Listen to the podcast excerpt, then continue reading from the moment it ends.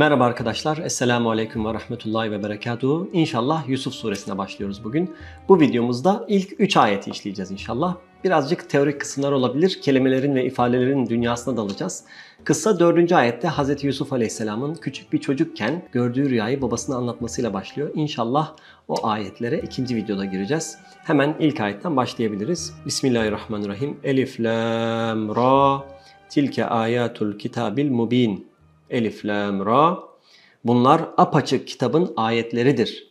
Sure hurufu mukatta'a ile başlıyor. Kur'an-ı Kerim'de 29 tane sure bu kesik harflerle başlar. En başta Bakara suresi biliyorsunuz Elif, Lam, Mim ile başlıyor.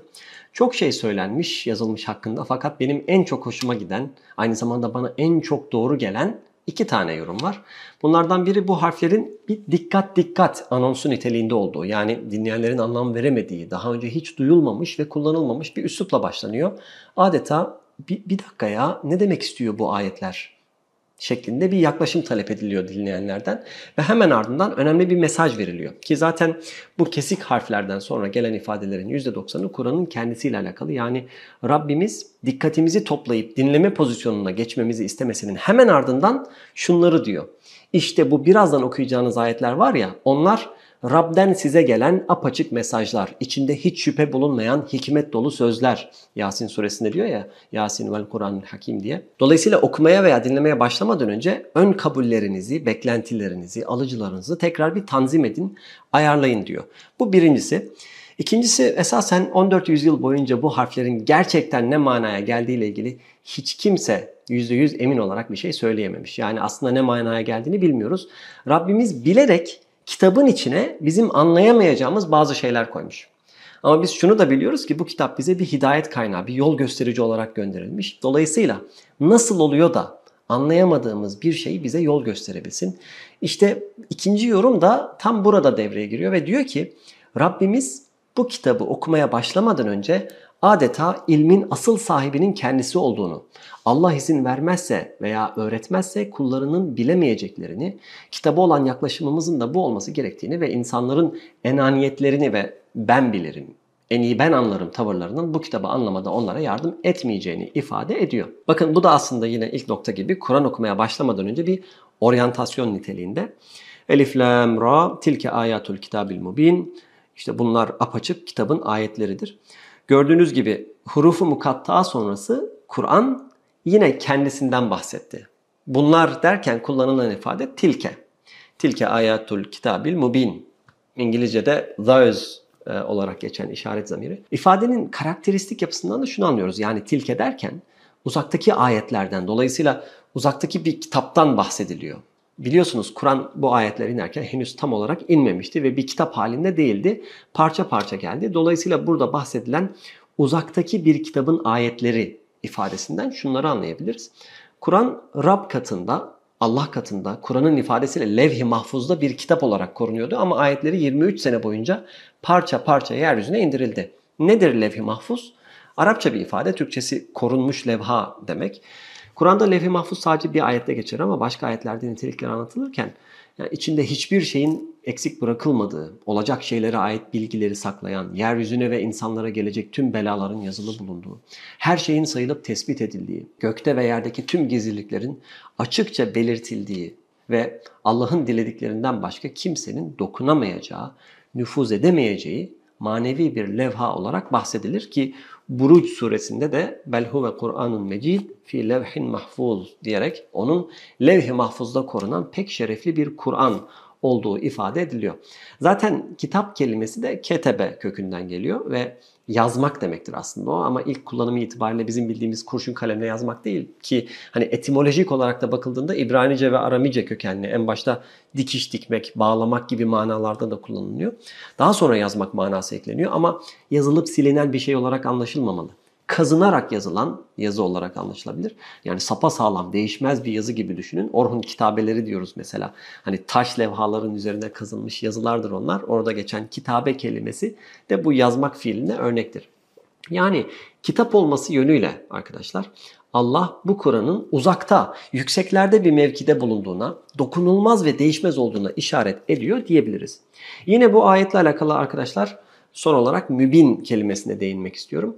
Genelde meallerde apaçık olarak çevirisi yapılıyor. Aynı zamanda yine Türkçe'de kullanılan ayan beyan kelimesindeki beyan, beyin gibi kelimeler de mübin kelimesiyle aynı kökten geliyor. Kelimenin kökü bane açık ve belirgin idi, ayrıldı, ayrıştı manasında. O yüzden bazı yorumlarda kitabın mübin olmasını hani okununca kendisini insan sözünden ayrıştıran bir nitelikte olmasıyla açıklıyor.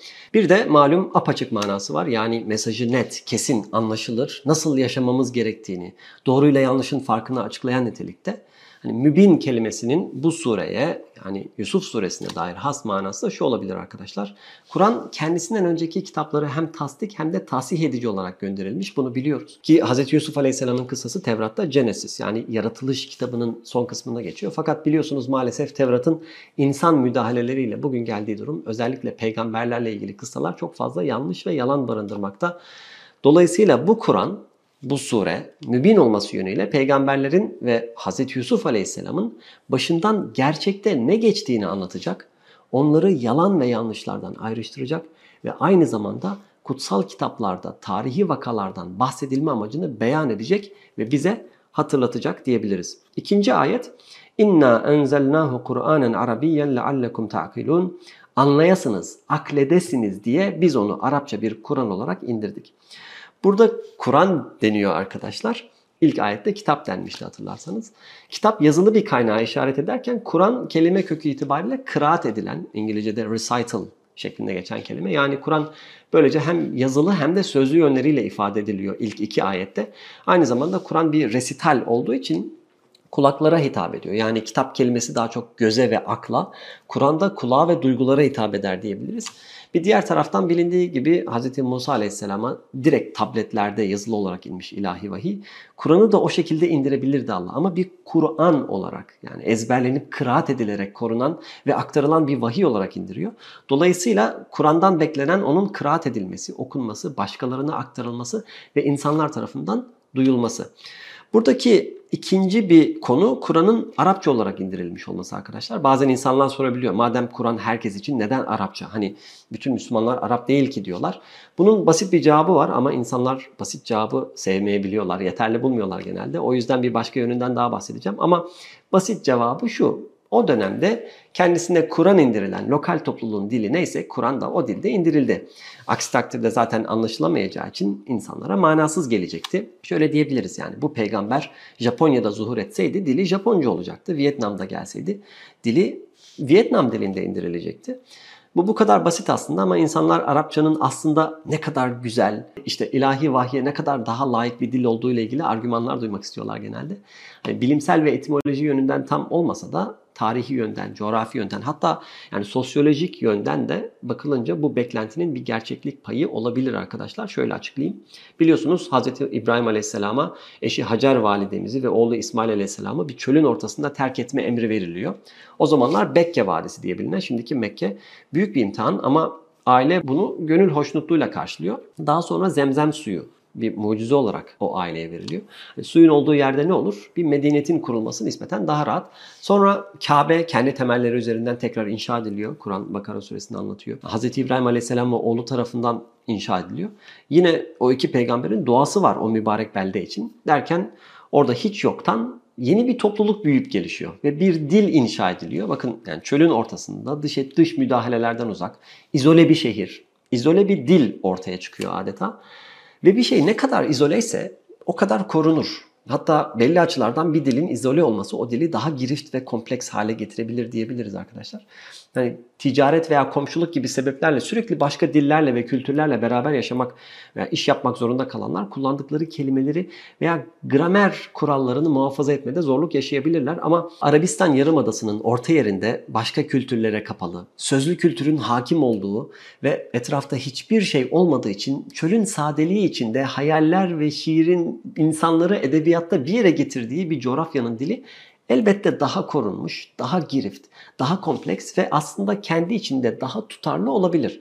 Yani sebepler planında Cenab-ı Hak ta Hazreti İbrahim Aleyhisselam'dan gelen bir süre zarfında bu dili son vahiy için hazırlamış olabilir. Hem korunması yani değişikliğe minimum ölçüde maruz kalması ve sağlam temeller üzerine bina edilmesi yönüyle hem de giriftlik ve esneklik yönüyle sanki kader planında Arapça dili son vahyi kaldıracak ölçüde bir seviyeye gelmiş. Buna aynen yüksek grafik kartı isteyen bir oyunu ancak ve ancak çok güçlü bilgisayarların çalıştırabilmesi gibi düşünebilirsiniz arkadaşlar.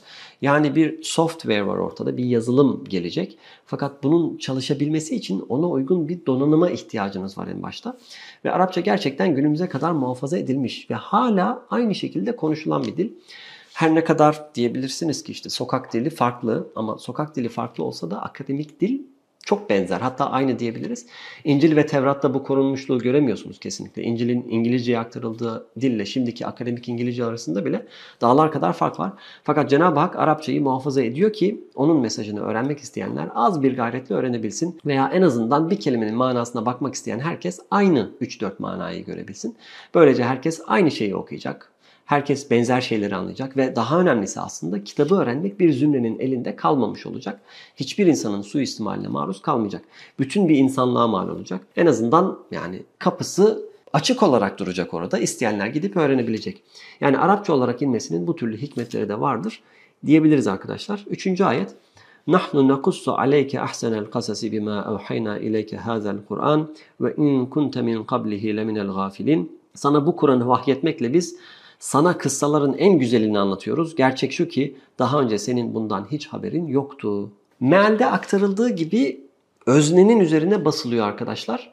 Yani kıssaların en güzelini anlatıyoruz diyor ama bir de biz anlatıyoruz diye yani hem nahnu kullanılıyor hem de nakussu ifadeleri kullanılmış. Dolayısıyla peygamberin kendi anlattığı bir şey değil. Direkt Allah'ın anlattığı bir kıssa diye üzerine basılıyor. Bu bence kayda değer bir uyarı. Hidayet kaynağımız olan kitabımız hakkında asıl minnet ve şükran Asıl hayranlık Allah'a karşı olandır. Onun tahtı her zaman en yüce mevkide bulunmalı. Gönüllere, kalplere başka gölgeler tesir etmemeli. Daha sonra tabii ki eskiler mehbiti vahiy ilahi derler. Yani Efendimizin kalbi ilahi vahyin indiği zat sallallahu aleyhi ve sellem. Daha sonra da o vahyi sebepler planında muhafaza edenler diyebiliriz. Yani hafızlar, alimler, muhafazası için finansal, zihinsel veya duygusal olarak destek olan herkes diyebiliriz. Sure levh-i mahfuzda ve bizden çok uzaklarda bulunan bir kitabın tanımıyla başladı. Sonra oradan biz onu bir Arapça Kur'an olarak indirdik denildi. Yani kitap yeryüzüne insanlara onların anlayacağı bir şekilde ulaşmış oldu. Üçüncü ayette de o kitaptan bir sure, bir kıssa ki kıssaların en güzel olarak tabir edilen bir kıssanın anlatılacağı söyleniyor. Dolayısıyla uzaklardan yakına gelen bir yol takip ettik. Kasas suresini işlerken bu kelimenin manasını da işlemiştik. Yani kıssa kelimesinin Hz. Musa aleyhisselam bir bebekken annesinin onu sepete koyup nehre bırakmasının ardından kızına dönüp kardeşini takip et dediğini okumuştuk. Orada kullanılan kelime kussihi idi. Yani adım adım takip et kardeşini. Nehirde akıntıyla ilerlerken sen de onunla yürü. Kısa da bir hikaye gibi adım adım ilerleyen olaylar zinciridir diyebiliriz. Fakat Kur'an kıssalarını yaşanmış hikayelerden ayıran en önemli şey bence Kur'an'ın amacıdır. Rabbimizin bu kıssaları anlatmasının amacı kullarının hidayete giden yolları bulması değil mi? Ondan ümit kesmemesi, mutlak güçlü ve hakim olanın zatın Allah olduğunu anlayabilmesi için. Dolayısıyla o yüzden yani Kur'an bir tarih kitabı değildir. Eğlence için okunulacak hikayeler barındıran bir kitap hiç değildir. Hidayet kaynağı bir kitaptır ki inşallah okurken göreceğiz. Alakasız kısımlar genelde geçilir. İsimler ve mekanlar çok bahsedilmez ki Kur'an'ın odaklanmamızı istediği şeye odaklanabilelim ki Yusuf suresinde de isim ve mekan olarak bir iki tane isim ve mekan göreceğiz. Yani Yusuf gibi, Yakup gibi, Mısır gibi başka da bir isim veya bir mekandan bahsedilmediğini göreceksiniz. Allah açıkça bu kıssanın en güzel kıssa olduğunu söylüyor. Öncelikle arkadaşlar Allah yani insanoğlunun bütün hikayelerinin hem mimarı hem izleyicisidir. Hz. Yusuf Aleyhisselam'ın kıssasına haşa lafın gelişi en güzel kıssa demiyor Allah. Orada kıskançlık ve komplo var, düşüş ve yükseliş var, ihanet var, hapis var, bollukla kıtlık var, kurtuluş ve buluşma sahneleri var. Yani bu şekilde hem ilk Müslümanlara hem de günümüz postmodern kuşağı bile anlatacağı çok şey buluyoruz. Yani tarih kayıtlarında genellikle işte fetihler vardır, savaşlar vardır veya imzalanan anlaşmalar yer alır. Ama bu okuyacağımız kıssada göreceksiniz karakterlerin hiçbir yerde kaydedilmemiş hislerinden, gördükleri rüyalardan, Yani şahsi hayatlarından sahnelerle birlikte bu tecrübelerin ileride nelere vesile olabileceği ile ilgili hikmet dolu mesajlar da göreceğiz. İşte bu yüzden Cenab-ı Hak tarafından en güzel kıssa olarak isimlendirilmiş. Bunun haricinde bazı müfessirler de demişler ki bu ifade için yani en güzel kıssa ifadesi için geçmişte cereyan etmiş bir olayın en güzel şekilde anlatılması manasını vermişler. Ayetin devamında gerçek şu ki daha önce senin bundan hiç haberin yoktu deniliyor.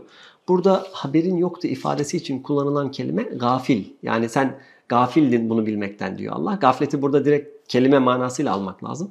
Yani düz bilmemek manasında. Yoksa manevi gafletten söz edecek olursak bu tabir peygamber efendimize yakışmaz. Çünkü o hiçbir zaman gaflete düşmedi değil mi? Sadece bu ayetleri okuyana kadar Hz. Yusuf Aleyhisselam'ın kıssasını kendisi de bilmiyordu demek istiyor. Evet arkadaşlar bir sonraki videoda rüya hadisesinden başlayacağız inşallah. Surenin iniş sebebi olarak birkaç görüş var. Bunlardan biri sahabelerin Hazreti Peygamber'den kıssa niteliğinde ayetler okumasını talep etmeleri. Aynı zamanda Efendimiz'i ve aslında tüm müminleri teselli etmek için indirilmiş diyen de var. Niye? Çünkü kardeşlerinin Hazreti Yusuf Aleyhisselam'a eziyet ettiği anlatılıyor. Dolayısıyla Allah Resulüne de kendi kavminin, kendi kardeşlerinin eziyet ettiğini biliyoruz. Fakat sonunda Hazreti Yusuf Aleyhisselam'ın üstün gelmesi gibi Efendimizin de inanmayanlara karşı zafer kazanacağına işaretler vardır diyenler olmuş. Doğrusunu Rabbimiz bilir. Bize düşen okuyup anlamaya çalışmak ve mümkün olduğunca ders alabilmek. İkinci dersimizde görüşmek üzere arkadaşlar. Allah'a emanet olun. Vesselam.